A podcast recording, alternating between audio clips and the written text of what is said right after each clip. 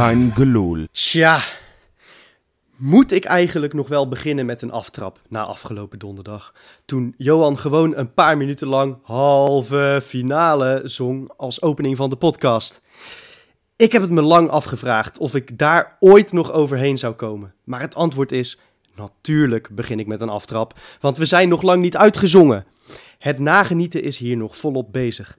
En het paasweekend waarin we deze podcast opnemen vraagt ook om een mooi verhaal. Want Dessers zei het donderdag na afloop op Twitter. Witte donderdag, laatste avondmaal, maar niet voor ons. Precies, Cyril. Onze honger is nog lang niet gestild. Maar vergeet niet, onze Witte Donderdag ligt dan ook alweer bijna een jaar achter ons. Want ons laatste avondmaal was aangebroken, zoals destijds de overtuiging. Het voetbal was niet om aan te gluren. Feyenoord werd kansloos vijfde achter een club als Vitesse. En er was geen rode rotcent in kas om verbetering in de situatie te brengen. Dat was de teneur. En de genadeklap kwam van een van onze meest trouwe volgelingen. Judas was de laatste nagel aan het kruis, zoals de stellige overtuiging van types als Pontius Pilatus Derksen, die ons alvast tot het rechte rijtje veroordeelde. We zouden dood en begraven wegrotten in de grotten van het laagste Europese niveau. Maar nee, nee, nee.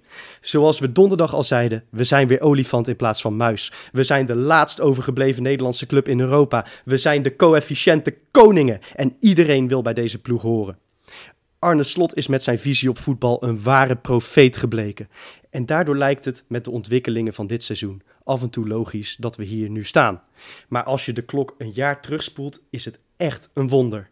Dit weekend, na nog ruim 30 keer de samenvatting te hebben gekeken, plofte ik lekker neer op het balkon met mijn voetjes omhoog in het zonnetje. Ik keek tevreden naar de blauwe lucht en dacht: Feyenoord is waarlijk opgestaan.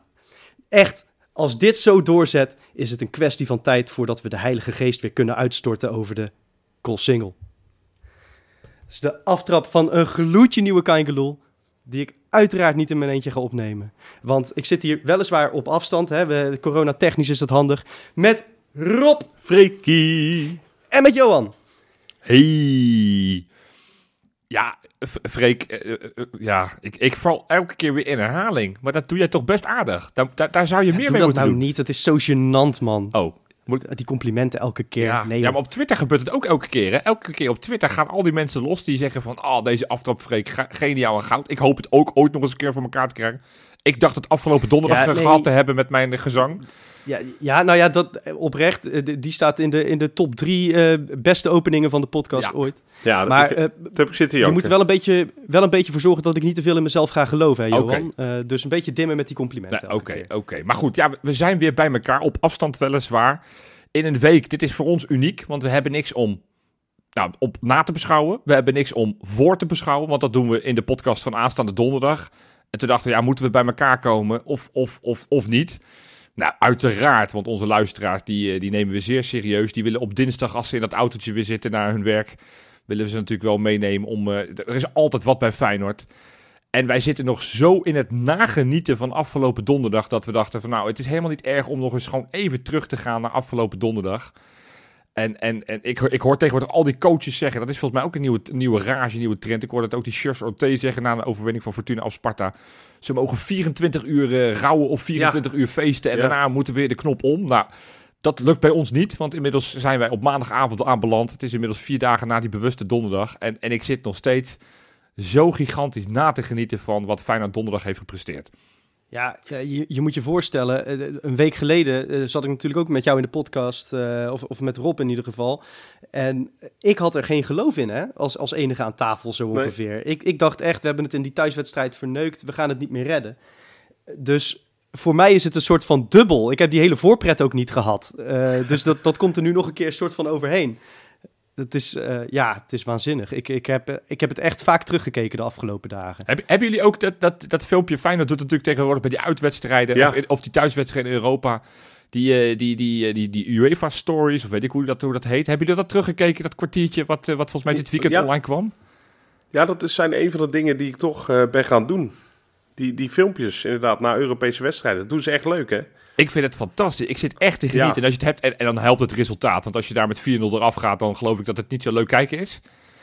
Maar ik, ik heb daar weer zo van zitten genieten. Voor de mensen die het niet gezien hebben, kijk gewoon op YouTube het Feyenoord-kanaal. Zoek die filmpjes even op. Eigenlijk vanaf het moment dat ze naar het vliegtuig gaan... tot en met eigenlijk het moment dat ze weer terugkomen van die vlucht. Alles zit erin. En, en ja, ik ga daar heel goed op. Ik, ik weet ook niet waar ik moet starten van, van de mooie dingen. Want er zitten zoveel kleine mooie dingen Nou, in.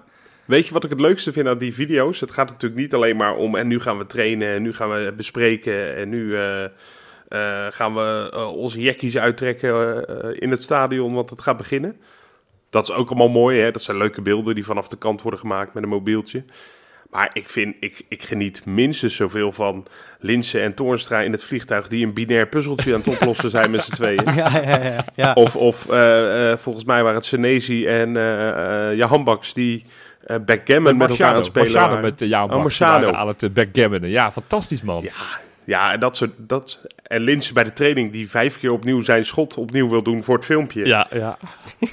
ja. dat Ja, is het, gewoon het, goud. het beste is ook dat het geen, geen strakke vlogs zijn, Nee. inderdaad, maar gewoon een soort van collage. En daardoor is het ook alsof je er echt bij bent, Ja, ja. zeg maar. Alsof je daar loopt, alsof, alsof dit een soort van aan je voorbij trekt in je herinneringen. Van, oh ja, zo was het vorige week. ja. Ja, precies. Dat, dat is echt, echt heel slim gedaan. Echt complimenten weer aan de media Ja, het, het- wat ik, zeg, ik kijk ze graag. En inderdaad, nou, ja, of die zwembadscène, dan denk je van, nou, het voelt inderdaad alsof ik aan die zijkant van dat zwembad zit te kijken.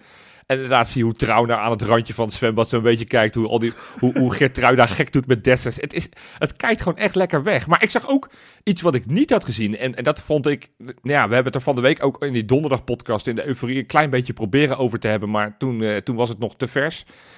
Bij die, die tweede goal van Dessers, dat was natuurlijk naar het uitvak. Nou, één viel me op hoeveel teringzooi weer naar beneden werd gegooid met, met, eh, met biertjes en zo. En dat ik zag dat Dessers op een gegeven moment probeert een biertje te vangen, lukte hem niet. Nee, Maar wat ik klopt. ook zag, is dat Kukcu op een gegeven moment ook bij het feest, eh feestgespuis komt. En nog eventjes die handjes zo in de lucht doet. Alsnog een keer verontschuldigen voor die fout die hij eerder die wedstrijd maakte. Toen dacht ik, jeetje. Nou, Ja. Dat, en dat, best wel duidelijk ook. Dat duurde best wel lang. ja, dat, dat vind ik toch, dat hij toch van nog steeds het besef heeft van... Ja, oké, eh, ik heb het bijna verneukt. Maar toch, hé jongens, ik, eh, ik wil me even verontschuldigen voor het uitval. Ik vind dat... Ja, extra veel klassen voor Kukcu. Daar is al natuurlijk veel lof over uitgesproken. Maar ik, Ja. ik, ik vond het extra mooi om te zien hoe hij daar, daar zo'n moment... dat toch eventjes wederom eh, het gevoel had dat hij, dat hij brouw moest tonen. Terwijl dat, ja, nogmaals, ik denk dat alle Feyenoord supporters het inmiddels al lang waren vergeten met die tweede goal. Maar Nou ja, er ging wel een bepaalde oprechtheid vanuit. Ook, Absoluut. hè? Ook, ook dat interview daarna. ja, Want je kan ook zeggen, je kan het andersom redeneren. Van, ja, je kan nu makkelijk die fout toegeven en zeggen dat je ermee zat, want je bent toch door. Ehm, maar eh, je zag aan zijn gezicht wel dat hij er echt nog mee zat. En dan denk ik ook wel van, oeh, nou, maximaal 24 uur, dit gevoel. nee, maar dat ik dacht, nou, je moet er niet al te lang mee zitten. Maar het, het toont wel, eh, ja, het, het was heel oprecht. Bij dat, bij dat, bij dat uitvak ook. Ja. Want het werd eigenlijk maar een heel klein stukje gefilmd. Ik vond wat Slot zei wel, wel terecht. Want het, het klopt wat jij zegt, Rob. Je moet daar niet te lang in blijven hangen. En, en daar maakte ik me ook een beetje zorgen om als ik hem zo hoorde. En, en eh, nu dat moment dat jullie weer noemen.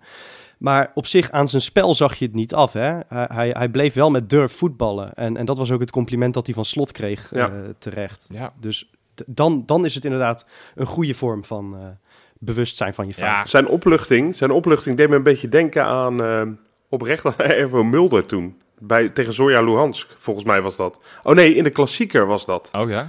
Met, met Boulikin dat moment. Juist, Ja, ja. die fout. Dat hij tegen waardoor het nog even spannend werd. Dat het de 3-2 werd. Toen En Guidetti weer scoorde en volgens Ja. mij de bevrijdende scoorde. eh, dat je hem toen zag, eh, nou echt dat hij, nou, die, die dankte God op zijn blote knieën. Ja. Eh, en dat had Kukje nu ook een beetje, volgens Ja. mij. Die opluchting van, ondanks, ondanks mijn deelname bijna inderdaad. Ik vind het eigenlijk te nederig hoor. ja, eens. Eh, hebben, we, hebben we het gered. Ja, ja ik, vond, ik, ik ging daar heel goed op. Heel goed. Waar, waar ik ook minder goed op ging, ik ben ook wat nieuwsgierig hoe jullie er naar kijken. Ik, eh, nou, jullie, jullie kennen mij, ik ben een eh, vervent twitteraar. Ik volg veel op de twitters en ik vind het ook leuk om zeg maar, die wedstrijd al, feitelijk een beetje na te beleven zo op Twitter. Maar ik Ja. merk met name in Amsterdam eh, dat, ze, dat ze ineens heel veel behoefte hebben om onze prestaties in Europa naar beneden te schrijven. Want het is maar de Conference League. Ik zag ook Wim Kieft, die, eh, die had het daar van de week ergens over. Die zei, ja, zo'n Sinisterra, leuk en aardig dat u nu weer een doelpunt maakt. Maar het is wel eh, eh, maar de Conference League. Hoe, hoe, hoe kijken jullie ernaar? Nou, ik denk dat je deze kritiek even een klein beetje in tweeën moet splitsen. Want wat Kieft zei, dat, daar kan ik een heel eind in mee. Dat, dat was niet per se denigerend over de Conference League, maar dat was meer van ja, als hij deze cijfers in de Champions League of in de Europa League overlegt, eh, dan gaan er wel een paar miljoenen meer bovenop Ja. dan dat je dit in de Conference League doet. Ja, en dat, dat is natuurlijk gewoon zo. Dat is natuurlijk gewoon zo. En, en, en dat andere, dat andere Joop, eh, laat ze lekker zuur zijn. Ik heb niets liever dan dat ze daar zuur Nou, zijn. lekker is dat, hè? Ja, god, eh, moeten we ons daar dan druk over gaan maken dat we niet genoeg waardering krijgen uit die hoek van het land?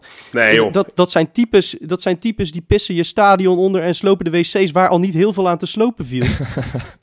Nee, Wel oprecht knap. ik, ik heb echt, echt oprecht scheid aan hun mening. nee dat, dat ben ik wel. Ja. Maar ik vind het gewoon vooral grappig, want, want ze vergeten even. Want eh, een aantal jaar geleden stonden zij in de finale van de eh, eh, Europa League.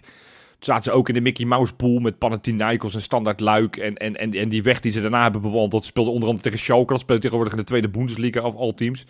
Maar, maar, maar even aan te geven, want, ik, want dat verhaal van Wim Kieft... over van ja, weet je, leuk en aardig dat inderdaad zo'n Sinistera doelpunten scoort. Tuurlijk, op het moment dat hij deze scores allemaal had behaald in de Champions League... was het natuurlijk keer, keer tien gegaan, bij wijze van spreken. Maar, maar Ajax in dat bewuste jaar eh, dat ze de, de, de, eh, de Europa League finale haalden... In die zomer daarna ging die Davidson Sanchez voor 40 miljoen weg. Ging, ging eh, Davy Klaassen voor 27 miljoen weg. En dat was ook met alle respect eh, het B-toernooi.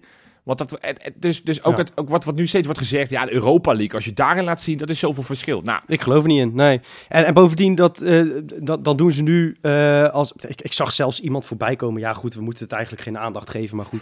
die beweerde dat, dat de route naar de bekerfinale... Hebben ze die gewonnen trouwens, of niet? nee. Nee, die, was, die ze zou moeilijker zijn Ze geweest. waren wel beter, hoor, heb ik het Ja, oh, dat was het. Ja, niet. Dat, dat telt eigenlijk als winst. Ja, want ze speelden niet hè? tegen elf ja, man, ze hè? zitten ook, eigenlijk zitten zij ook in de halve finale van de Ja, Champions League. Ja, Oh, begrepen. wat een sneuneus. Nee, maar eh, onze, onze route in de Conference League zou makkelijker zijn geweest dan hun route naar de bekerfinale. Nou ja, dat Slavia Praag, dat staat nogmaals hoger in de, in de UEFA-coëfficiënten dan twee van de drie tegenstanders in hun Champions League pool. Dus als ze daar Hosanna over gaan doen Ja. en wij spelen, eh, wij hebben daar in eh, vier potjes halen we er acht punten tegen. Eh, ja, dan, dan mag er wel iets meer Hosanna over zijn, Ja. denk ik. Zo. Helemaal mee prestaties. Dus in je hok. En, eh, en dat is een beetje cijfermatig. Je had natuurlijk 48 ploegen in de Europa League. Dat zijn er nu 32 geworden. ja. Dus je zou kunnen zeggen dat ze maar de top... Ja, zo rechtstreeks is het niet. Maar de top 16 daarvan is eh, wat in de Conference League speelt. Dat is ook nog een soort van Europa League waardig natuurlijk. Nou ja, als je kijkt naar de laatste vier van de, eh, van de Ja. Conference League... met, Precies. met eh, topclubs als Feyenoord, eh, Leicester, eh, Marseille en, eh, en Roma... Ja. die zijn misschien wel sterker dan de laatste vier van de Europa League. Nou, ik heb dat even opgezocht. Da- Dat is als je naar de, de, de clubcoëfficiëntenlijst krijgt. Hè, Leipzig staat 17e, Frankfurt staat 31, Rangers 38 en West Ham 75. Nou, dat zou gemiddeld, als je die vier pakt, zijn, zijn, zijn ze 40ste. Wij eh, zitten in een pool, met, tenminste met Roma, die staat 11e, Marseille 41ste, wij 48ste en Leicester 76ste. Dus dat is 44 gemiddeld. Dus het is een iets sterkere Final Four bij hun. Maar, maar om nou te zeggen dat het wereld van verschil is, dat valt allemaal het is een redelijk gelijkwaardig toernooi in deze fase. Ja, Zullen we het dan zo Ja, noemen? Ja, kijk, als je het vergelijkt met Champions League is het natuurlijk wel anders. Want dat, dat, drie van die vier clubs die bij de laatste vier zitten in de Champions League zijn natuurlijk wel echt eh wereldgrootmachten. Eh Ja, en je moet ook wel bij de, bij de eh, Europa League wel meenemen dat eh, zo'n Frankfurt, die speelde natuurlijk tegen het Vitesse van Spanje. Hè? Dus dat is vergelijkbaar met de Nederlandse beker eigenlijk. zo, Ja, ja, cirkeltje ja, rond, cirkeltje Nou, cirkeltje rond. Hey, Mooi a- zeg. aangezien we toch bezig zijn, ik ben ook wel even nieuwsgierig. Want ik heb het toevallig volgens mij twee weken geleden in de podcast, heb ik het er een keer over gehad, dat ik zei van ja, ik weet nog wel in dat bewuste Champions League run van Ajax, dat ze zover kwamen dat ineens allerlei wedstrijden verplaatst moesten worden en dat wij, zelfs wij er last van hadden. Ik dacht van nou, dat moet bij Feyenoord misschien nu ook gaan gebeuren in het belang van het Nederlandse voetbal, want als er iemand coëfficiëntenpunten haalt dit seizoen zijn wij het. En toen dacht de KVB, weet je wat, we verplaatsen het tijdstip van de wedstrijd tegen Fortuna Sittard niet om half drie, maar we spelen hem, ja, nou let op, twee uur later kwart voor vijf. Wat vinden we daar nou van dan? Ja, een e- enorme dank. ja, het is natuurlijk heel nobel, mooi gebaar. Ja, Ja, je hebt twee uur langer om je roes uit te slapen. Dat, Ja, ik denk, ik denk in- ja, ja, Jopie, ja, dan ben jij niet gewend, dat weet ik. Maar ik denk in Varkenoord, hè. Dus Ja. ik denk, ah, ik schakel, ik denk, oh, lekker. Maar- Heb ik gewoon ja, wat maar spelen we alleen bij Fortuna spelen we uit, dus ik weet niet wat jij Varkenoord gaat Ja. doen dan, maar... In sim niks. nee, ja, ik zag zelfs als argument voorbij komen inderdaad van... ja, nee, maar speelronde 33 en 34 moeten nu eenmaal tegelijk gespeeld worden... dus we kunnen het ook niet eens verplaatsen. Toen dacht ik van, goh, ik had het idee dat dat een paar jaar geleden toch helemaal anders lag. Ja, Ja, nou, ik, ik, ik, ik vind hier oprecht wel wat van. Want ik snap echt wel dat ze proberen alles gelijk te trekken. En dat er relatief weinig eh, ruimte meer is aan de achterkant van het, van het schema. Maar ook na die, na die returnwedstrijd in Marseille. Drie dagen later spelen we tegen, tegen PSV. Dat is zowel voor de bovenkant van de competitie, namelijk Ajax en PSV, die nog aan, aan, aan het strijden zijn. Als wij zelf die plaats 3 nog maar veilig moeten stellen. Ja, is dat wel een potje waar, waar eh, zoveel belangen op zitten. Dat je zegt van ja, die laten we zo gewoon maar spelen. Ik, ik, vind, ik vind hier van alles Ja. van. En ik vind dat de KVB... Kijk, weet je wat het is, Ja. Johan? Ik vond het toen met, met al dat verplaatsen op stellen en sprongen, omdat het hele land zo nodig op zijn kop moest, omdat dit oh zo fantastisch was, was voor het Nederlands voetbal, vond ik toen onzin en dat vind ik het nu nog steeds. Ik vind alleen, als je iets doet, doe het dan consequent. Ja, Oké. Nou, dat- Nou, dat ja. Wat, het- wat, wat vinden jullie? Want dat hoor je ook wel vaak. hè. Zo Leicester bijvoorbeeld, die zit nu ook nog in het toernooi. Ja, die spelen 38 competitie. Die spelen 54 FA Cup wedstrijden. 22 Carabao Cups. geen winterstop. ja. En dan moeten ze vast nog een paar keer oefenen tussendoor. Eh, ja, volgens mij is hun schema zodanig strak dat daar ook... Ja, dan kan je inderdaad misschien een keer twee uur vroeger of later beginnen. En natuurlijk, Engels voetbal heeft het niet echt nodig dat Leicester super presteert. Nee. Dat snap ik ook Nee, wel. en bovendien hebben zij eh, eh, 22 redelijk gelijkwaardige spelers Ja, en, eens, en ja. wij 13. Ja, dat, dat, dat, maakt het- wel echt een wereld een van beetje het verschil. Dat, dus dat, ik snap dat vergelijk. En, en, en ik, ik, maar ik ga eigenlijk wel mee in Freek. Van of, Ik ook hoor. of consequent het, eh, de dingen doen. En, en ja, met alle respect, die twee uur. Ik geloof niet dat, dat Feyenoord daarna heel veel meer van gaat voelen. Dat ze nu denken dat tegen Fortuna dat ze ineens zoveel meer longen hebben. Omdat ze twee uur langer inderdaad hebben kunnen uitrusten. Dat, dat, ja. Maar, maar terugkomend op, jou, op jouw eerste vraag, het, het, het feit dat, dat mensen dit naar beneden proberen te praten. Weet je, dat, dat deden ze vijf jaar geleden ook toen we op de, op de rand van de Koolsingel stonden. Eh, dat is voor mij gewoon vaak een teken dat het erg goed gaat met Ja, Feyenoord. ja. Want eh, ik heb veel liever dit dan dat ze medelijden met je hebben en dat ze het je allemaal gaan beginnen te gunnen. Eh, daar word ik zo Ja, misselijk van. ja. Flikker Ja. op. Nee, ik, ik heb veel liever dat ze allemaal een gloeiende hekel aan ons hebben en dat ze strontjaloers zijn en dat ze het dan nodig vinden om op, eh, om op Twitter zuur te gaan lopen doen op het feit dat wij de Nederlandse eer hoog houden in Europa. Nou, mooi gesproken. Als laatste dan nog op, op, to- toch een soort van in die naroes. Toch ja, eigenlijk ook meteen weer een vooruitblik. Supporters. Want ik eh, zat al klaar om Ja. mijn ticketje te boeken. En inderdaad mijn eh, appartementje te regelen. En toen kwam daar weer het bericht. Ja, het is nog maar even de vraag of en in Marseille supporters erbij mogen. Maar ook in Rotterdam. Of dat er misschien sancties komen. Dat er vakken leeg moeten. Nou ja, enzovoort, enzovoort. Ja, ik word daar wel een beetje zagrijnig van. Van dat idee dat of uit of thuis dat er straks eh, lege stadions zijn. Ik vind het zo moeilijk, omdat ik eh, iedere keer wel een beetje het idee heb dat eh soep niet zo heet gereed gaat worden. Zeker in deze fase niet. Ja. Ik kan me niet voorstellen eigenlijk dat, dat UEFA een halve finale Europees voetbal eh, in lege stadions laat afwerken. Nee. Dus in die zin wil ik er ook echt geen rekening mee houden. En Ja, ik moet er niet aan denken. Ik zou het echt... ja, het zou echt tamelijk verschrikkelijk zijn. Ja. Om, om dat thuis te moeten kijken, ja, bah. Ja, nee, dan, dan, dan moet ik even een nieuwe inboedelverzekering Ja, afsluiten. dat denk ik ook, ja. ik ook. Ja, Ja. Ja, ja, eh, goh, weet je, eh, Marseille schijnt het gigantisch te hebben verneukt eh, tegen PAOK op dat gebied. Ja. En eh, ik weet niet wat wij nog open hebben staan. Uitwedstrijd ging goed, volgens Ja, mij. ja. dat eh, Hè? Thuiswedstrijd was toch wel een klein beetje vuurwerk. Nou, Ja. klein ook wel minder dan veel. normaal gesproken. En je, ja, maar toch. En, en eh, dat stapelt zich gedurende het seizoen op. En ze zijn altijd net iets later met die straffen. Dat, dat- ze komen er altijd mee op het moment dat je denkt... oh ja, die wedstrijd was ik eigenlijk alweer vergeten. Ja. Ja. ja, dat duurt altijd tering lang, ja. Je zou toch zeggen van, dat kan je twee dagen later kan je dat toch wel besluiten. Maar dan hoef je toch niet twee weken voor te wachten. Nee, ja, dan moeten ze allemaal weer onderzoek en weet ik het allemaal. Ja. En, eh, nou goed, ja, de- dus eh, het simpele antwoord is, ik weet het niet. Nee.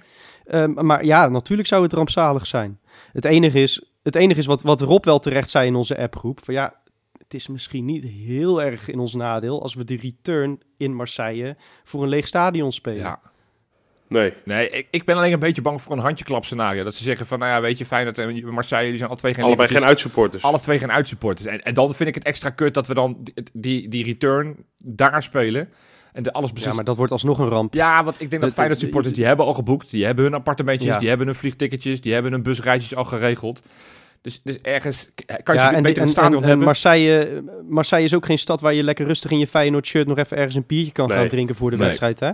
Dus ehm, ik, ik denk dat, dat ook de UEFA ze dan liever in het stadion heeft zitten dan dat ze door de stad gaan zwerven. Eens. Ja, en bovendien kan je, kan, je op die manier, kan je op die manier straffen. Is dat... eh, ik weet het niet. Ja, ik- ze kunnen waarschijnlijk alles doen, maar Ja. is, dat is toch niet gangbaar om, om, om gebeurtenissen Nee, in een maar stadion... Rob, Rob Ja. dit, dit is zo'n corrupte bende. Eh, als, je, als je er een probleem mee hebt, dan stap je naar het kas en dan krijg je over een half jaar krijg je gelijk en een schadevergoeding van 3000 euro of zo. Ja. Ja. Dat is, ja, je weet toch hoe dat werkt. Ja.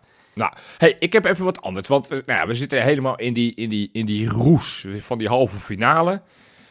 Ik ging dan toch even denken aan 20 jaar geleden. Toen zaten wij ook in een halve finale. Ja. Toen van Quiz de- tegen wie?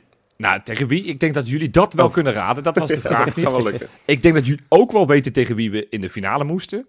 Maar dan ben ik even nieuwsgierig of jullie in de quiz van, eh, van deze week, of jullie weten wie die laatste overgebleven halve finalist was. Dus ik heb het niet over Inter die wij troffen en ik heb het ook niet over Dortmund, maar wie versloeg Dortmund in hun halve finale? Ga daarover nadenken en aan het einde van de show kom ik daarop terug.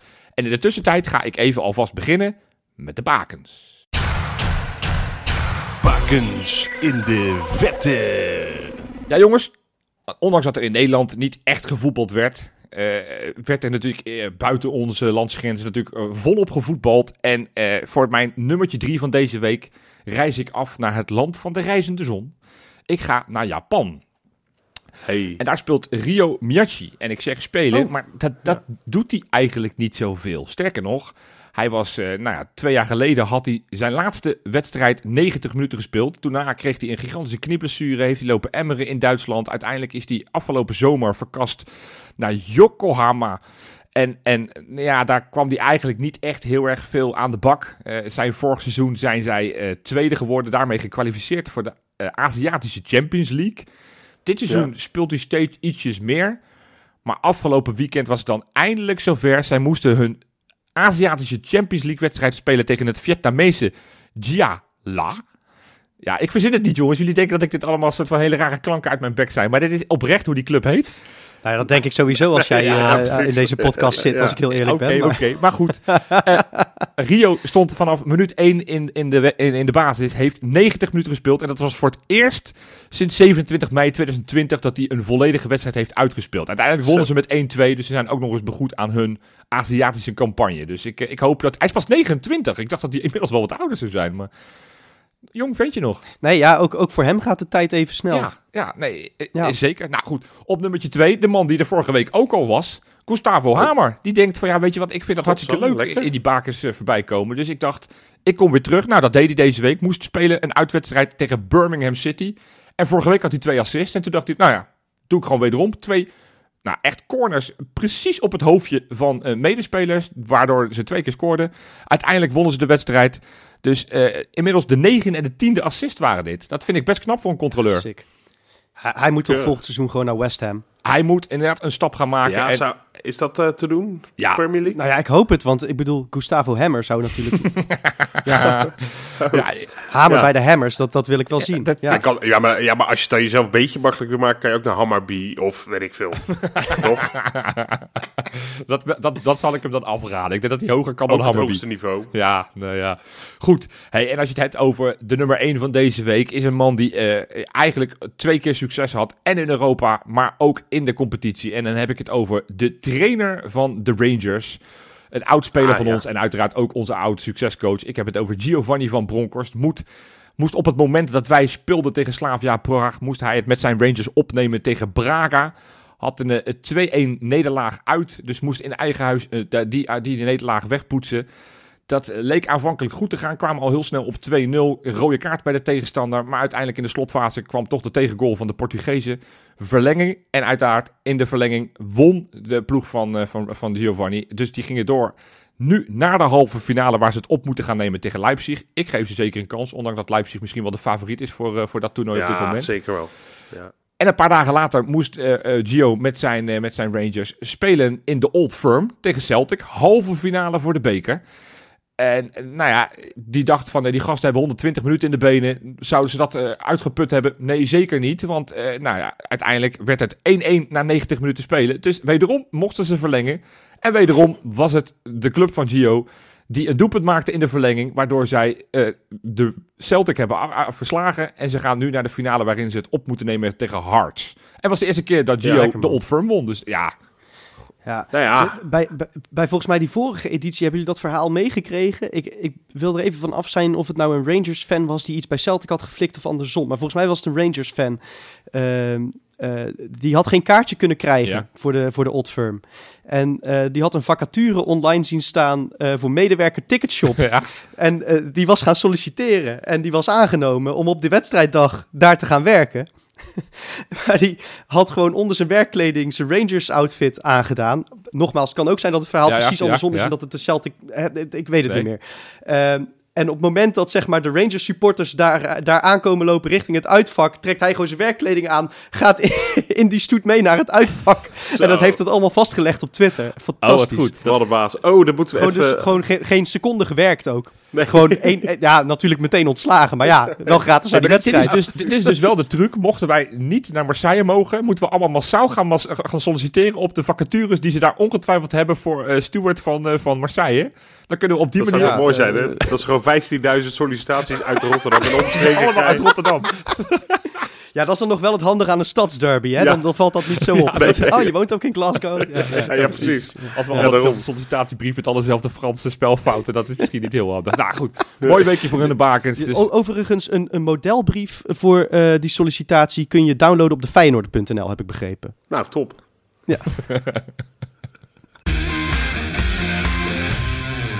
Ja, al het eh, euforie rondom de Conference League, eh, die, die overstemde het uiteindelijk een klein beetje. Maar er, er is de afgelopen week ook best wel wat aan geruchten en nieuwtjes rondom transfers naar boven gekomen.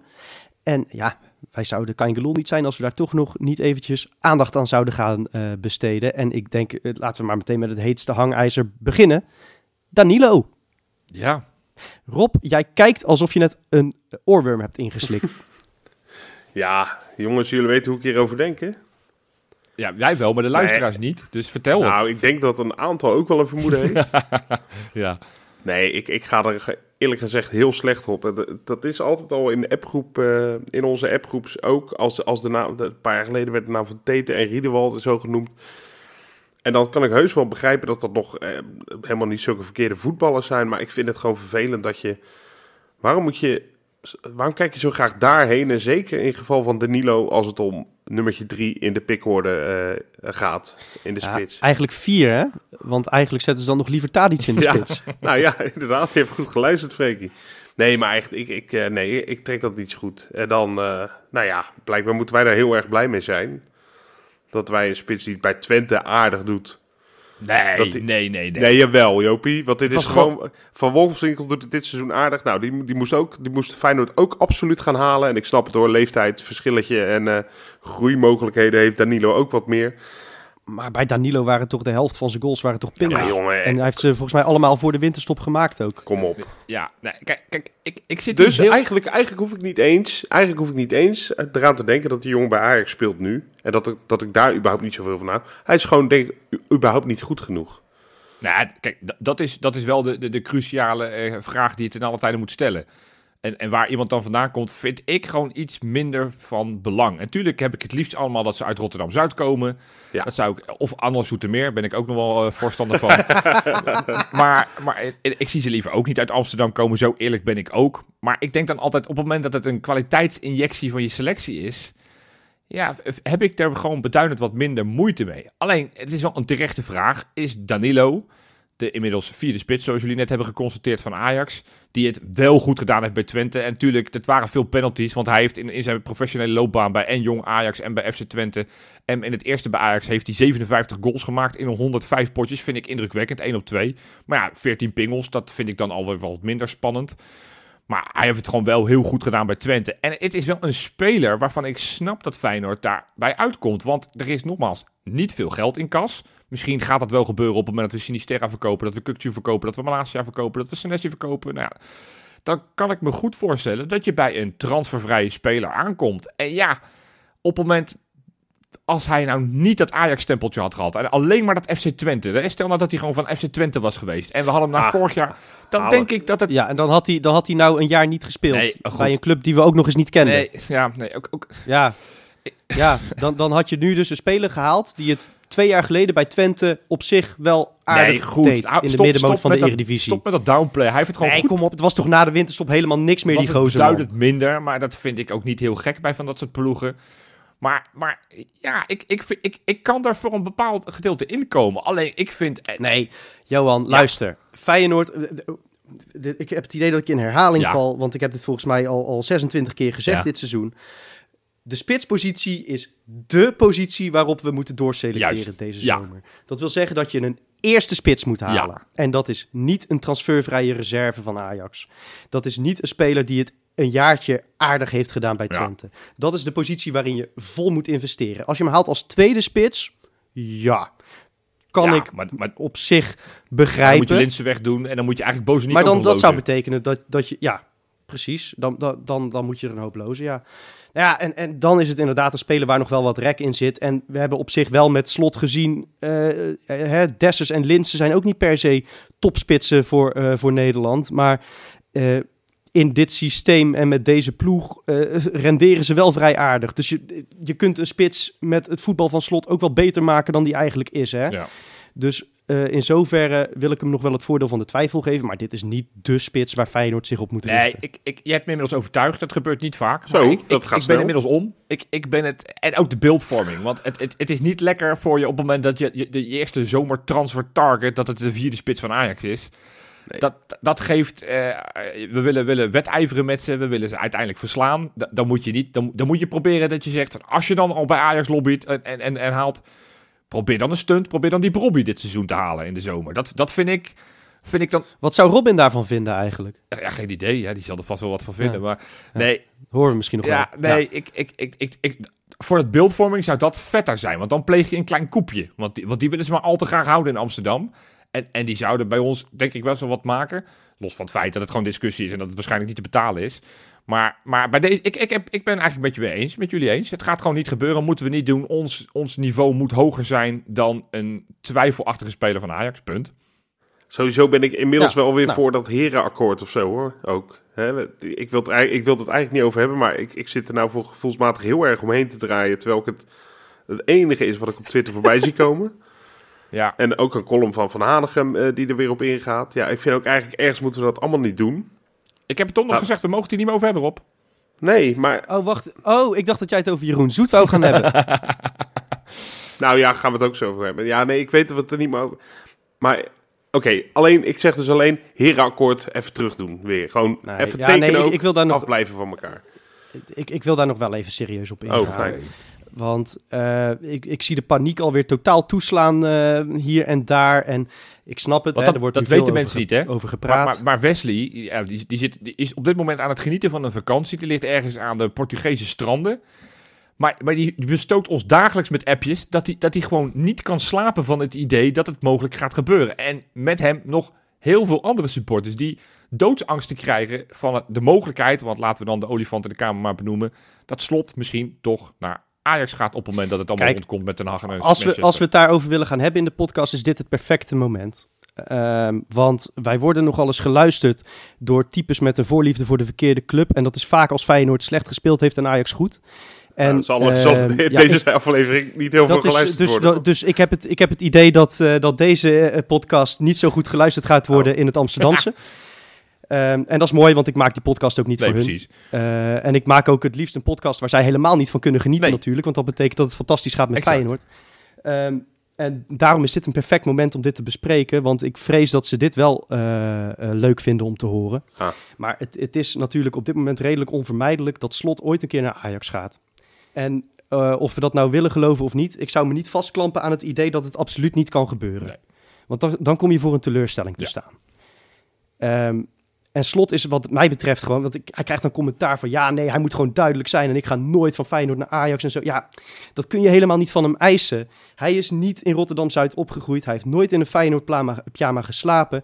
Voor hem is dat gewoon een vrij logische carrière-move op dit moment. En Feyenoord is voor hem op dit moment was van hem vanuit AZ een logische carrière move. Hij is gewoon bezig met zijn carrière aan het uitstippelen. Je kunt niet van hem eisen dat hij Ajax bijvoorbeeld uitsluit. Dat zou gekke werk zijn eh, voor hem. Ik vind dat hij eerlijk is door de belofte die hij niet kan maken, niet te maken. Er zijn mensen die die onvergeeflijke fout wel hebben gemaakt. Slot is slim genoeg dat niet te doen. Dat is waar. Maar als je nu even reëel bent, er is voor een Nederlandse trainer eh, die een grote belofte heeft in te lossen, is er eh, geen makkelijkere club op dit moment dan Ajax. Want je hebt oneindige middelen. Je wordt sowieso kampioen. Eh, als je dat niet doet, dan, ben je- dan is dat eigenlijk knapper dan wel. Dan ben je echt een gigantische prutser. Erik ten Hag doet er Ehm, alles aan. Hè? Die, die, die probeert nu eh, snel te, te nou maar het die, die, die, heeft, die, heeft natuurlijk, die heeft natuurlijk nog wat te bewijzen voor die naar Manchester United gaat. Daar zijn ze ook gewend om met oneindige middelen laatste, laatste van de topclubs te worden. Dus ja, die is zich gewoon alvast aan het inwerken. Ik snap dat Ja. wel. Nee, maar, maar, kijk, maar- Slot wil natuurlijk gewoon niet te vroeg naar het buitenland. Want er zijn zoveel trainers die die fout hebben gemaakt. Maar Ehm, en ja, wat, wat wil je zeggen? Nou ja, nee, dat, het, ik, ik, ik vind het ook allemaal heel logisch wat je zegt hoor. En ik, ik ben het ook eigenlijk met je eens. Ik wil er alleen gewoon niet aan denken. Maar voor zijn carrière is inderdaad nu al naar het buitenland misschien wel... Dat is, dat is best gevaarlijk. Maar goed, ik denk dat je ook wel op je cv wil laten zien. Kijk eens, ik, ik kan een seizoen... Ik, ik, ik weet van een elftal waarvan iedereen zei dat dat kunnen ze niet. Wel dit voetbal te laten spelen. En we kunnen ver in Europa komen, bla bla bla. Echt ontwikkeling doormaken. Ik zou ook op mijn cv willen hebben dat je dat in een tweede seizoen kan doortrekken. Nou, en dat is, daar komen we eigenlijk bij eh, wat ik als eerste zei. Er komt een moment dat Slot naar Ajax gaat, maar ik denk niet dat het deze zomer gaat zijn. Want hij heeft natuurlijk nu inderdaad de reputatie dat hij een beetje een clubhopper is. Hè? Als hij nu weer weg zou gaan, eh, meteen eh, voordat hij goed en wel de vruchten heeft kunnen plukken. Maar je moet wel vrezen voor het eind van zijn contract. Want dan is op dit moment Ajax een hele makkelijke club, zoals ik al zei. Ze kennen hem. Hij komt daar als een grotere meneer binnen dan wanneer hij naar een club in het buitenland zou gaan van hetzelfde niveau. Hij speelt structureel Champions League. Ehm, zijn eh, filosofie op voetbal past bij die van Ajax. Ja, Dus an- dat- anderzijds... ja. Dat, het, enige, het enige dat Feyenoord kan doen om dit scenario te voorkomen... en dit is een hele, hele belangrijke oproep aan het bestuur... en iedereen die iets te zeggen heeft over de toekomst van Feyenoord... is dat we zo snel mogelijk heel veel geld gaan binnenhalen. Eh, dat we deze zomer een zeer competitieve selectie neer gaan zetten... en dat we serieus met ze kunnen gaan Nou ja, concurreren. dat- Dan is er geen noodzaak om naar Ja, Ajax maar, te gaan. maar dat, Freek, want jij, en het snap ik wel, hè, want het is een hele logische gedachtegang, van dat je zegt, veel, ja, weet je, je wordt daar automatisch kampioen, want je hebt daar 482 miljoen te besteden elk jaar. Ze- ik, ik, ik, denk wel dat ze zich in Amsterdam vrij zorgen maken voor de komende zomer, want er gaan best wel wat spelers weg en hun aankopen, ik noem alleen maar die Dara- Darami, die zijn niet allemaal even succesvol geweest. Berghuis wordt inmiddels alweer... En en, en wat, is, wat heeft Klaas-Jan Huntelaar als technisch directeur Nou ja, bewezen? exact. Dus, dus als je het hebt over van eh, eh, het momentum kan veranderen, i- is dit het moment. Dus aan Feyenoord is nu echt alles om deze zomer en dus met name het komende seizoen, wat eigenlijk het soort van ultieme auditiejaar voor Arne Slot is voor een toptrainer. Ik vind het hem al, maar laat het me inderdaad het tweede jaar maar bewijzen. La- laten we dan maar echt kijken of we ze van die troon kunnen stoten en of we daadwerkelijk structureel met ze mee kunnen doen. En, en, dan, en dan wordt Ajax überhaupt niet interessant meer voor ze. En dan is dat hele verhaaltje wat je net af, afstak, eh, Freek, dat het een logisch Nee, precies, maar dat, dat- is, dat, dat is de opdracht aan het clubbestuur. Exact. Dus aan de slag en we moeten zorgen dat we ze voor, voorbij gaan. En ik geloof erin. Ik, ik geloof er echt in. Ik geloof in de nieuwe wind die in Rotterdam-Zuid waait. Ik, Nou, top. Dus, dus dat gaat niet gebeuren. Ehm, ik, ik heb wel begrepen eh, dat eh, Jeroen Zoet naar ons gaat. En eh Sillissen schijnt naar PSV te gaan. Dus ik begrijp dat Erwin Mulder een voorcontract heeft getekend bij Ajax. ja, nou ja, dan is het cirkeltje rond. Ja, dat, ik, ik denk dat... Dus, dus ze, ze krijgen slot niet. Maar Erwin Mulder komt jullie kant op, jongens. Gefeliciteerd. Ja, voor de e-sports, hè? ja, Misschien kunnen we gewoon onwijs goed FIFA, dat weet jij niet, hè? maar zou me niks verbazen als ze daar ook gewoon 6 miljoen voor neerleggen, hoor. Ja, voor precies. e-sporten. Ja, precies. Maar goed. Ja, ja, Jeroen Zoet, joh. Ja, ja goede herinnering aan hem eh, natuurlijk. Hij heeft ons al een keer kampioen gemaakt natuurlijk. ja. Toen iets minder bewust vanuit zijn kant. Nee, ja, dat Ja. is... eh, eh, ja, ik, ik kijk dan toch de keeper aan. Jeroen Zoet, wat, wat vind jij daarvan, Rob? Ja, ja vol- volgens mij... Weet je, dit vind ik een beetje het Danilo-verhaal. Alleen heb ik met Jeroen Zoet niet, niet die vroeg van... God, dan moeten we, waarom moeten we per se iemand van Ajax halen? Want daar komt hij natuurlijk niet vandaan. Ja, ik, ik, ik zou het een eh, prima concurrerende keeper vinden... Maar niet de onbetwiste eerste keeper die we hebben. Dus als, als tweede keeper denk ik prima. Ik vraag me alleen af of Jeroen Zoet eh, daar zin in heeft. Het, het lijkt er niet op dat Bijlo deze zomer Nee. verkast. Want Nee, die heeft natuurlijk nog een WK-opkomst als hij op tijd fit is. Ja. Dan moeten we natuurlijk nog even afwachten. Eh, Dus, dus dan zou het inderdaad gaan om de positie van tweede keeper. En dan denk ik wel dat die ietsjes beter is Dat is, dan wel, Marciano. dat is wel een upgrade, ja. Eh, maar ik, ik vind, ja, ik heb niet zoveel met Jeroen Zoet. Nee, als ik ook Ja, maar dit is toch een no-brainer, jongens. Dit is toch echt, ik vind dit, als je het hebt Danilo, hebben we net, zijn we unaniem hebben we over, over besloten dat het hem niet gaat worden. Feyenoord zoekt eigenlijk geen tweede keeper, maar we zoeken een anderhalfde keeper. Want je moet bij eh, de staat Ja, van Bijlo, moet je er altijd rekening mee houden dat, dat je hem vaker nodig gaat hebben dan nodig. Nou, Marciano, nou ja, afgelopen donderdag was het, was het prima, was er niks op aan te merken. Maar hij, Hij, hij groeit er hij- wel in, ja, oké. als we heel eerlijk Nou, zijn. en, en misschien moeten we dan de voordeel van de twijfel geven. En, en, maar, maar met alle respect, ik, Maar nee, Jeroen Zoet heeft een hogere top dan Marciano. ja, weet je, toch oud international, eens. 300 Ja. wedstrijden op het hoogste niveau. Inmiddels internationale ervaring. Eh, bij PSV weet ik hoeveel wedstrijden gekiept. eh, ook in Europese de wedstrijden. Als je die kan krijgen, eh, ja, weet je, dan denk ik dat het gewoon een hele slimme transfer is. Omdat je dan je keeperspositie, die misschien nu wel de zwakste van de elf is, met, eh, met het wegvallen van Bijlo. Ja, dan kan je die, die positie flink upgraden. Dan moet je nog maar kijken wat je met Marciano doet. Of je zegt van nou, die laten we dan toch maar na een jaar gaan. Of, of die houden we aan zijn contract van het jaartje daarna dat hij dan derde keeper moet spelen. Nou ja, een, een ervaren derde keeper is ook Nee, geen overbodige Ja, luxe, ik- zie je nu. Want als Marciano een keertje een rode kaart pakt, dan zit je met Tijn Troost in de goal. Ja, nou ja, goed. Ook op, daar moet je op een gegeven moment wel vertrouwen in hebben. In dat je, als je echt iedereen geblesseerd en, en, en geschorst is, dat je. Dat je Nee, oké, maar bij een... Bij een Nee, ja, de en- finale en van ik de denk dat Slot het Conference met me eens is. Ja. Als je het hebt over... We, we hadden het over een concurrerende selectie samenstellen. Daar horen drie ervaren nou, keepers zeker. nou, dus, dus dan vind ik Zoet eigenlijk een no-brainer. Ik vind dat een hele logische Ja. eh, speler. Nee, prima, waarvan- joh. en ik vond de Lekker timing doen. wel vrij ongelukkig. Dat je in de belangrijkste week. Nou, dat wou ik Ja. zeggen inderdaad, ja. wat, wat ja, je, je- De, raar moment om, om, om dit naar buiten te brengen. Ik weet niet wie uiteindelijk met het nieuws kwam. eh, VI, volgens mij. Ja, en, en, ja, en, Feyenoord Transfermarkt, die kwam er ook mee. Ja, precies. Nou ja, wat, een- wat een gek moment om dat te doen eh, een, een dag voordat Marciano de wedstrijd van zijn leven keept. Terwijl die al een beetje onder druk staat. Ja. Geef die jongen nou gewoon het vertrouwen dan op zo'n moment. Ja, dat, dat, Dat is niet echt in het belang van de Nee. club. En ik weet niet wie dat gelekt heeft, maar het is niet slim. Nee, dat vind ik ook. Dus dat, eh, nou ja, dat, daar kunnen ze nog wel wat van leren. Hey, een andere naam en dan, eh, en dan eh, eh, ronden we volgens mij dit blokje wel af. Feyenoord Transfermarkt kwam deze week ook met de naam Kang In Lee. Ja, Ja. Wat, wat vind je ervan, Rob? Jij kijkt me nu aan, Nou ja, soort van, wie de fuck is dit? Ik ken hem. De laatste Lee die we hadden, dat was natuurlijk een doorslaand Ja, succes. ge- geweldig was dat. Lee, Lee, Lee, Lee, Lee, Lee. Nee, maar de- de- de- Ja. ja. deze Lee, ik heb, ik heb er eens even naar gekeken, want het, zei- het zijn mij niet gek veel. Speelt nu voor Mallorca. Heeft daarvoor sinds zijn tiende eh, eh, bij Valencia gespeeld. Oh. Eh, dus op, op vroeg opgepikt vanuit Japan. 21 jaar. Maar het idee dat Feyenoord interesse heeft in een speler die nu gewoon speelt in, eh, in het hoogste niveau van Spanje. Toen dacht ik, nou, dat vind ik wel interessant Daar scouten. word je weer warm van. hè? Nou, dat vind ik wel. de- de- och, dat maak je ons wel erg klein hoor. Dat klinkt alsof we, alsof we bij NAC zitten. Nee, maar, maar Oh, we hebben interesse uit de in een speler van het hoogste niveau van Spanje. Ja, Potjandori, Real Mallorca, dat is toch gewoon niveau Heerenveen, man. Nou Kom ja, op, ze staan inderdaad eh, tegen degradatie aan. Dus het is niet, eh, het is niet alle. Nee, maar het is, ik snap al wat je zegt, Freekie. Maar ik vind het wel.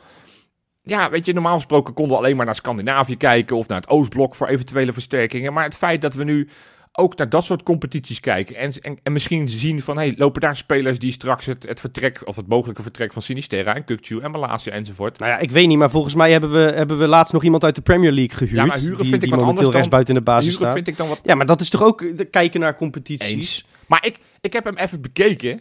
Je maakt ons echt te Oké, klein. nou, dan zal ik daar ook mee stoppen. Het enige wat ik wel goed hieraan vind, voordat jij verder gaat, Joop. Ja, eh, als, het, als die gozer er voor open zou staan, onze grote vriend Lee. ja. Dat vind ik dan wel weer eh, een fijn idee. Dat, dat zo'n gast denkt, ja, ik zit nu bij een van de grootste competities ter wereld.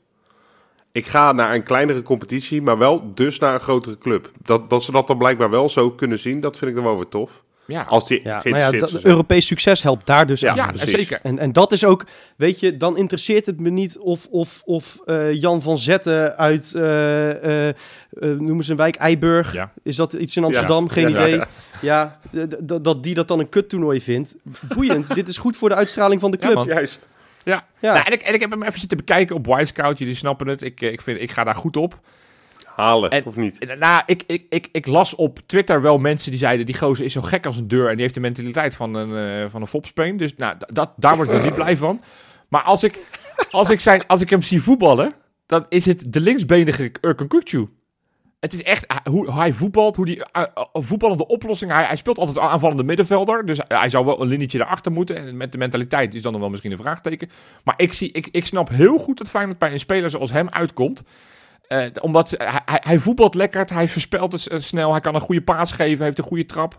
Toen dacht ik van nou, ik, ik vind dat wel een hele interessante, want, want Kukçu vervangen wordt denk ik nog het allermoeilijkst komende zomer. Die is zo Ja. bepaald voor ons spel.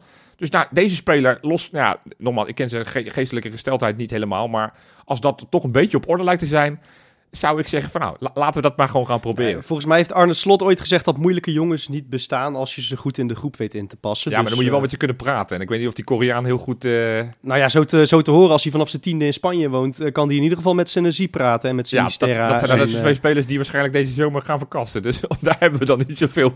Als, dan, dan moeten we er nog een, een bij halen als tolk. Bijlo spreekt ook Spaans, Ja, dat is waar, dat is waar, dat is waar. hey, Freekie ja. trouwens, ik zat nog even te denken, hè. Ja.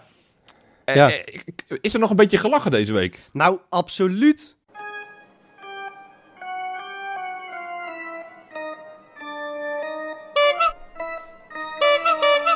De clown van de week. Het is weer tijd voor de clown van de week. Ja, ja, Ja, lekker. we hebben het veel gehad, deze podcast, al over beeldvorming. En over de media. En, en uitspraken die daarin worden gedaan. En ehm, het nadeel van deze rubriek is dat je een beetje gaat trappen naar iemand die al op de grond ligt. En ik probeer dat niet te doen. Dat wil ik eh, even als disclaimer zeggen. Maar de clown van de week is deze week Mark Diemers. Oh. En ik heb het de afgelopen, wat is het? Ja, afgelopen jaar, anderhalf jaar, te vaak over hem gehad in deze podcast. En ik, ik ben er vaak debet aan geweest, hè, de, de teneur richting hem. Die hand gaat volledig in eigen boezem. Maar Mark Diemers krijgt zo langzamerhand wel een beetje Jaap Stam trekjes. Ja, echt. Want dit is nu de vierde keer, als ik het goed tel, dat hij in een interview gaat klagen over het labeltje dat hij bij Feyenoord heeft opgeplakt gekregen, dat hij niet goed zou zijn. En eh, dat hij daarom al gedoemd was te mislukken en dat hij daarom eigenlijk het liefst weg wil bij de club. Ja, sorry, maar dat is te lachwekkend voor woorden. Kijk, er zijn genoeg spelers die binnenkwamen met een 1-0 achterstand, met een 3-0 achterstand, die de beeldvorming tegen zich hadden, die bakken met kritiek kregen. Weet je wat die hebben gedaan? Ik noem er een paar.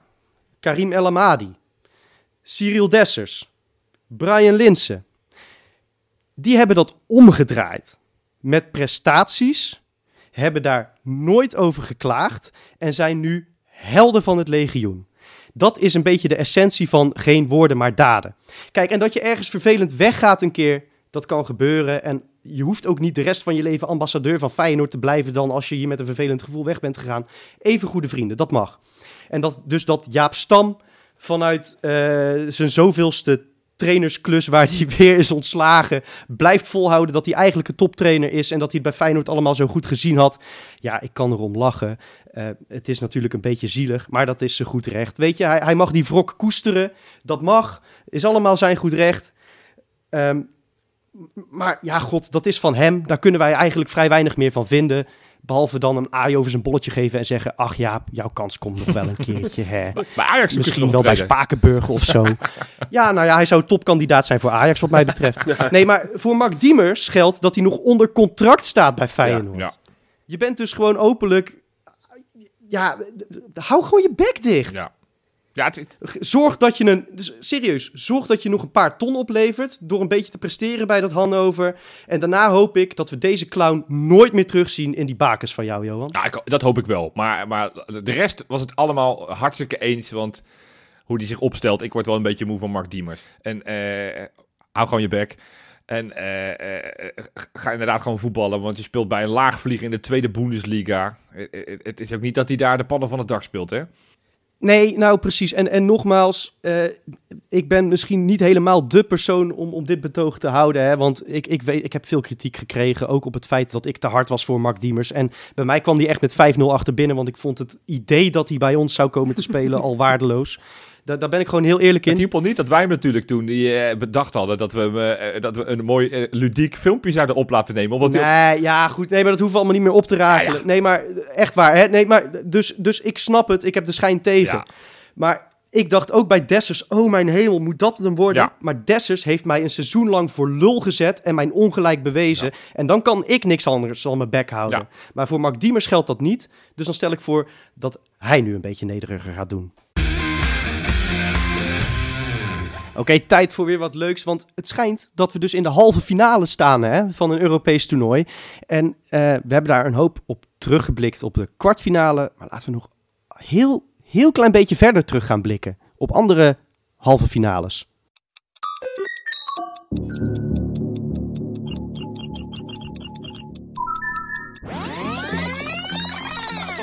De tijdmachine. Ja, ja, jongens, ik ben eens even gaan kijken. Ik dacht, Feyenoord en de geschiedenis met halve finales in Europa. Willen jullie even een gok doen hoe vaak jullie denken dat wij in een, eh, een halve finale hebben gestaan van een Europees toernooi? Europa Cup 1, Europa Cup 2, UEFA Cup of in dit geval Conference League. Eh, vijf keer. En wat denkt Rob? Ja, ik wil een keertje of zes zeggen, dus zes. Nou, we hebben zeven keer in een halve finale gestaan. Dit wordt de achtste keer in, eh, tegen Marseille. De eerste keer was in 1963, Europa Cup 1, uitgeschakeld door Benfica. Oh ja, tuurlijk. Een paar jaar later was het wel prijs. Want toen moesten we natuurlijk in 1970, toen we dat ding ook wonnen, moesten we tegen Legia Warschau in de halve finale spelen. In 74 wonnen we de UEFA Cup. En dat was in de halve finale, we wonnen we van Stuttgart. Toen kwamen er drie keer achter elkaar dat het wat minder goed... En dat was steeds die Europa Cup 2, hè, de, de Cup Winners Cup. In 1981 verloren we tegen Dynamo Tbilisi. Wist ik niet. Ik heb, dat heb ik nooit echt meegekregen. Ik wist niet dat we daar nog dat we daar een keer eerder tegen hadden gespeeld. Nou ja, eh, in 1981 dus hebben we ervan verloren. In 1992... Nou, lekker dat we dan revanche hebben genomen Ja. vorig jaar. Ja, allemaal dankzij Jaap Stam, toch? Ja. Ja, ja. Fuck you, Tbilisi. Nee, en in 1992 moesten we wederom Europa Cup 2 halve finale spelen. To- Toen was AS Monaco een maatje te groot voor ons. In 1996 was wederom met dat toernooi eh, het eindstation halve finale toen we het tegen Rapid Wien moesten doen. En in 2002, nou ja, die weten we nog wel, internationale werd toen verslagen om uiteindelijk in de finale van de UEFA Cup Borussia Dortmund te verslaan. En, en ja, weet je, ik zou jullie met alle liefde van alles willen vertellen over de 1963. Nou ben ik een oude lul, maar ik kan daar niks van Nou herinneren. ja, d- er is natuurlijk wel een, een heel legendarisch filmpje dat ik daar altijd van heb gezien en dat, dat steeds weer terugkomt. Dat is de geboorte van het legioen, hè, Johan? nee, dat is waar. met, met die overvolle boot naar Ja, Portugal ja. vanuit Rotterdam. Ja, dat, Ja, dat zijn waanzinnige beelden. Ik kan me er niks bij voorstellen meer. Nee. Maar dat, je moet je voorstellen, dat, dat, dat was toen zo ongeveer een van de eerste keren dat een, dat een Nederlandse club zo'n reis maakte met zoveel supporters, als ik de verhalen ja, mag tegen geloven. het grote Benfica, toen echt een, een wereldmacht met, eh, met Eusebio. Ja, met, eh, met Eusebio, Ja. toch? Dus dat, dat was Ja. eigenlijk ja, ook de, het begin van, eh, van Feyenoord in Europa. En, eh, Nou, mijn, mijn moeder die stond toen, die was 13. ja, En die, is- die eh, of 12 nog denk ik net. Eh, en die stond toen aan de kade mijn oom uit te zwaaien. Ja, mooi is dat, hè? Dus dat zijn mooie verhaaltjes, ja. En dat betekent dat wij dus volgend jaar 60 jaar legioen in Europa vieren. Ja, Mooi Dat jubileum, moeten we wat mee doen. dat Moet er is zeker wat mee doen. Leuk, maar goed, dat is voor later. Ja. Nee, ja, ik heb met name herinneringen aan die laatste twee. Want ik ben inderdaad de oudste van ons gezelschap. Ik kom uit 1983. En ik, ik was bij de laatste twee halve finales, de thuiswedstrijden, was ik, eh, was ik aanwezig. Dus in, in 1996 tegen Rapid Wien. En, eh, en zes jaar later tegen, tegen Internationale voor de UEFA Cup. En, en, en ja. Ja. dat waren natuurlijk eh, eh, wisselend succes. Sowieso was die in Rapid Wien. Goh, dat was eh, Karsten Janker. Dat was, was vreselijk. Dat was... Dat moet een van de irritantste voetballers in de geschiedenis van de sport zijn. Hè? Ja, die, die naam, die naam is... eh, Duitser krijg je Die naam niet. alleen Ja. al klinkt alsof je hem echt een klap voor zijn kanus wil verkopen. Ja. En dan heb je hem nog niet eens gezien, maar dan heeft hij nog die irritante kale kop. Ja. Alsof hij uit de clip van Aqua Barbie Girl Ja, komt. ja nee, het was, eh, het, het was een, een lange gozer die, die nou ja, we, we hadden dit item een beetje voorbereid en Wesley zei op de WhatsApp, ja, die heeft na de Rapid Wien nooit meer wat gepresteerd. Nou, toen had jij, Ja, hij, heeft een, hij, heeft een, hij heeft een erelijst eh, eh, Ja. langer dan, eh, dan sommige strafbladen in Amsterdam. Ja, precies. Nee, dus, dus, Echt, dus dat is niet helemaal waar wat hij zei. Maar die heeft ons toen een beetje de das omgedaan. Want uitverloren we met 3-0.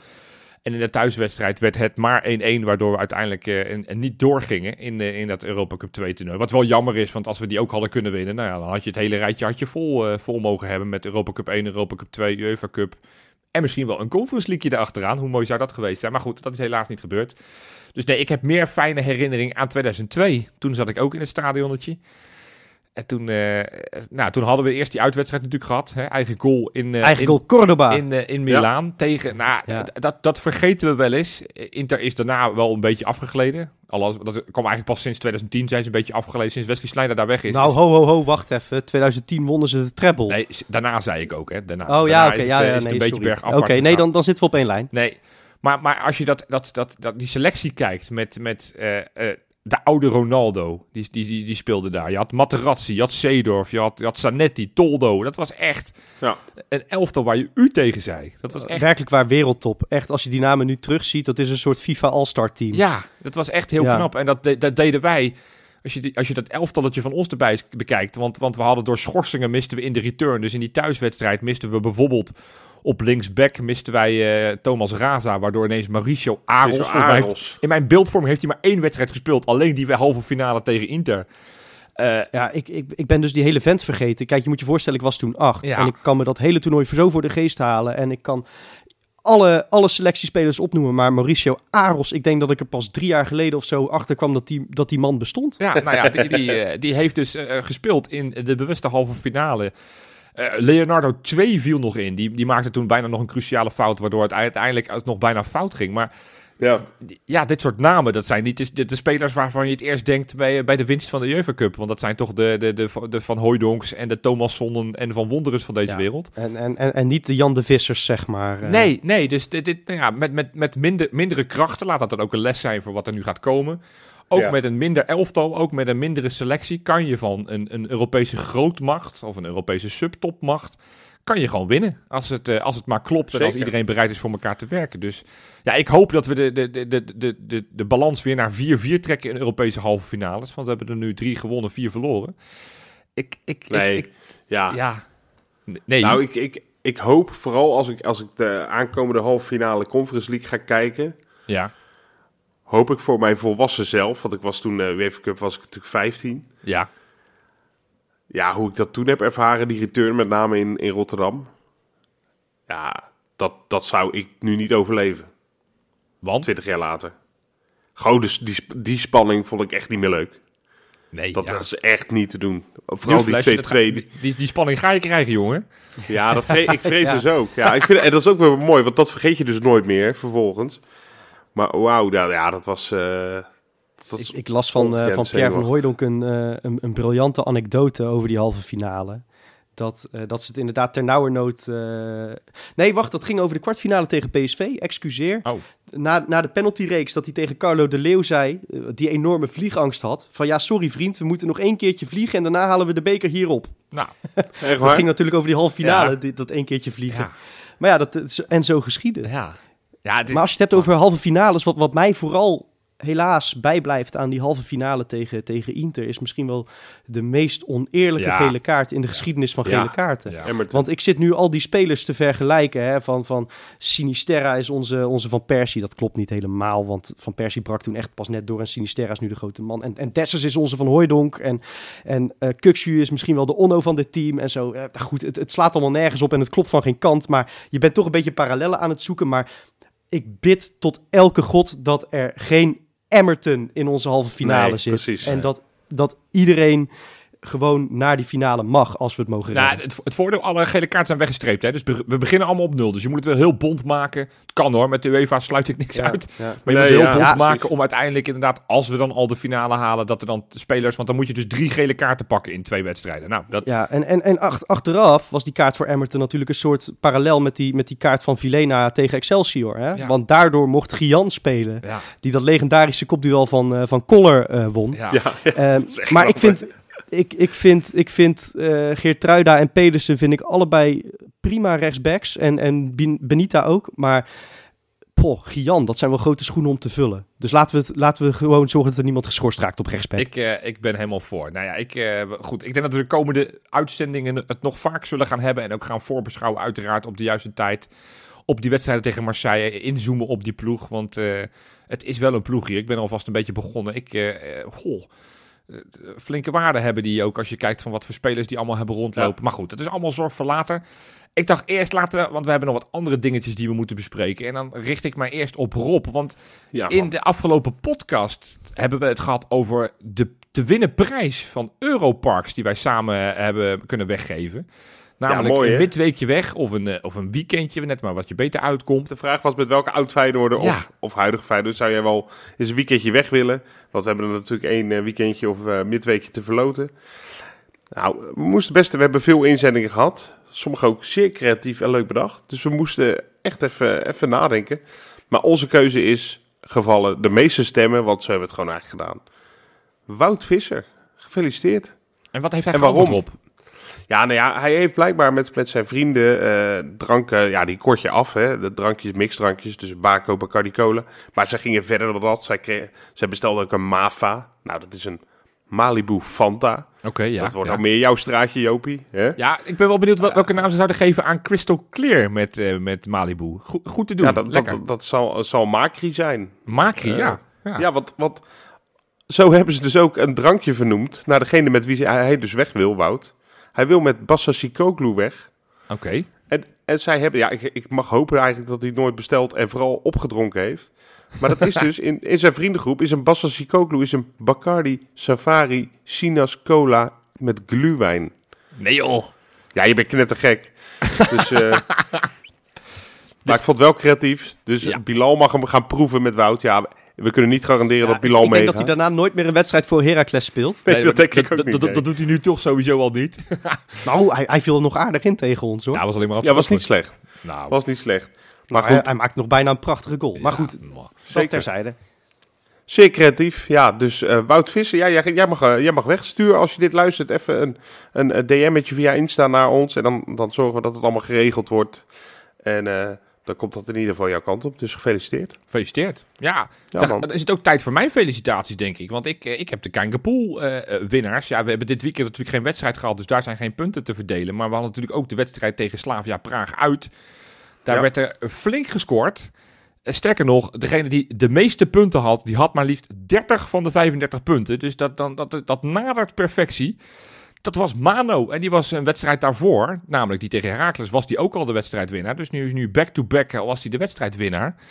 En dat, eh, Dat schiet op voor de periode. dat, dan, dan, dan doe je ineens weer mee in de, in de periode. Hij staat nog niet op één, want daar staat Kevin van der Ree.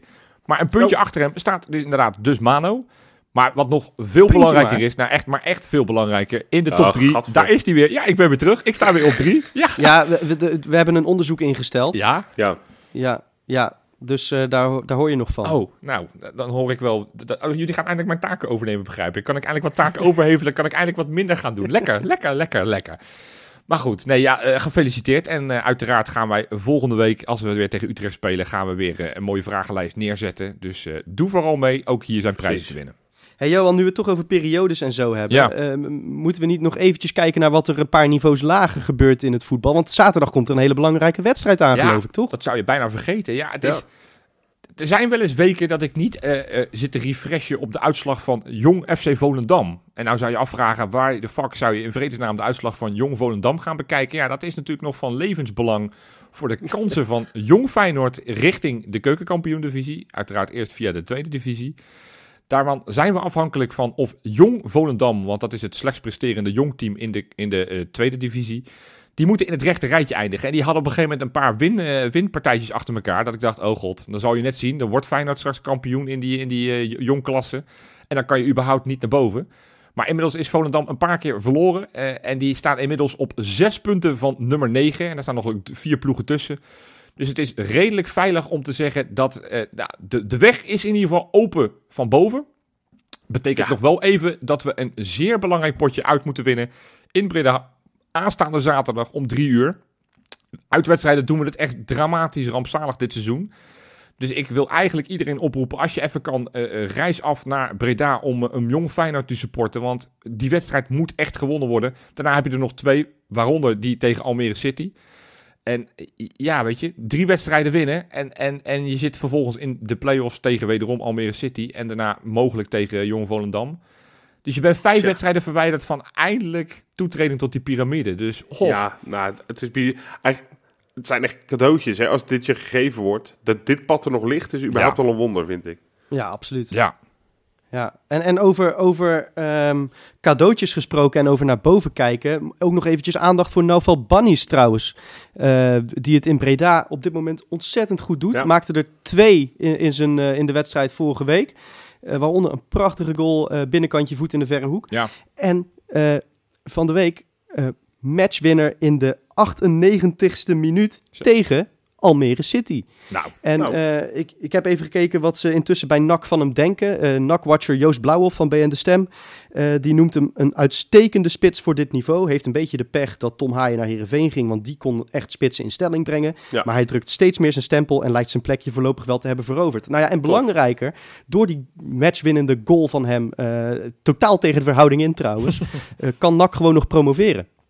ja. Ze gaan de play-offs in op deze manier. Ja, nou ja. Ik vind het vooral leuk dat, dat nou ja, Antonucci lijkt het rechtstreeks te gaan redden met zijn jong Volendam. Want die hebben nu een gat van zeven punten. Maar we gaan... Ja, niet met Jong Volendam. Sorry, met het grote Volendam. Ja, nou, als ja, speelt ja, er daar niet zoveel. Maar je hebt met Azarkan bij Excelsior gaan we straks in de play-offs gaan we terugzien.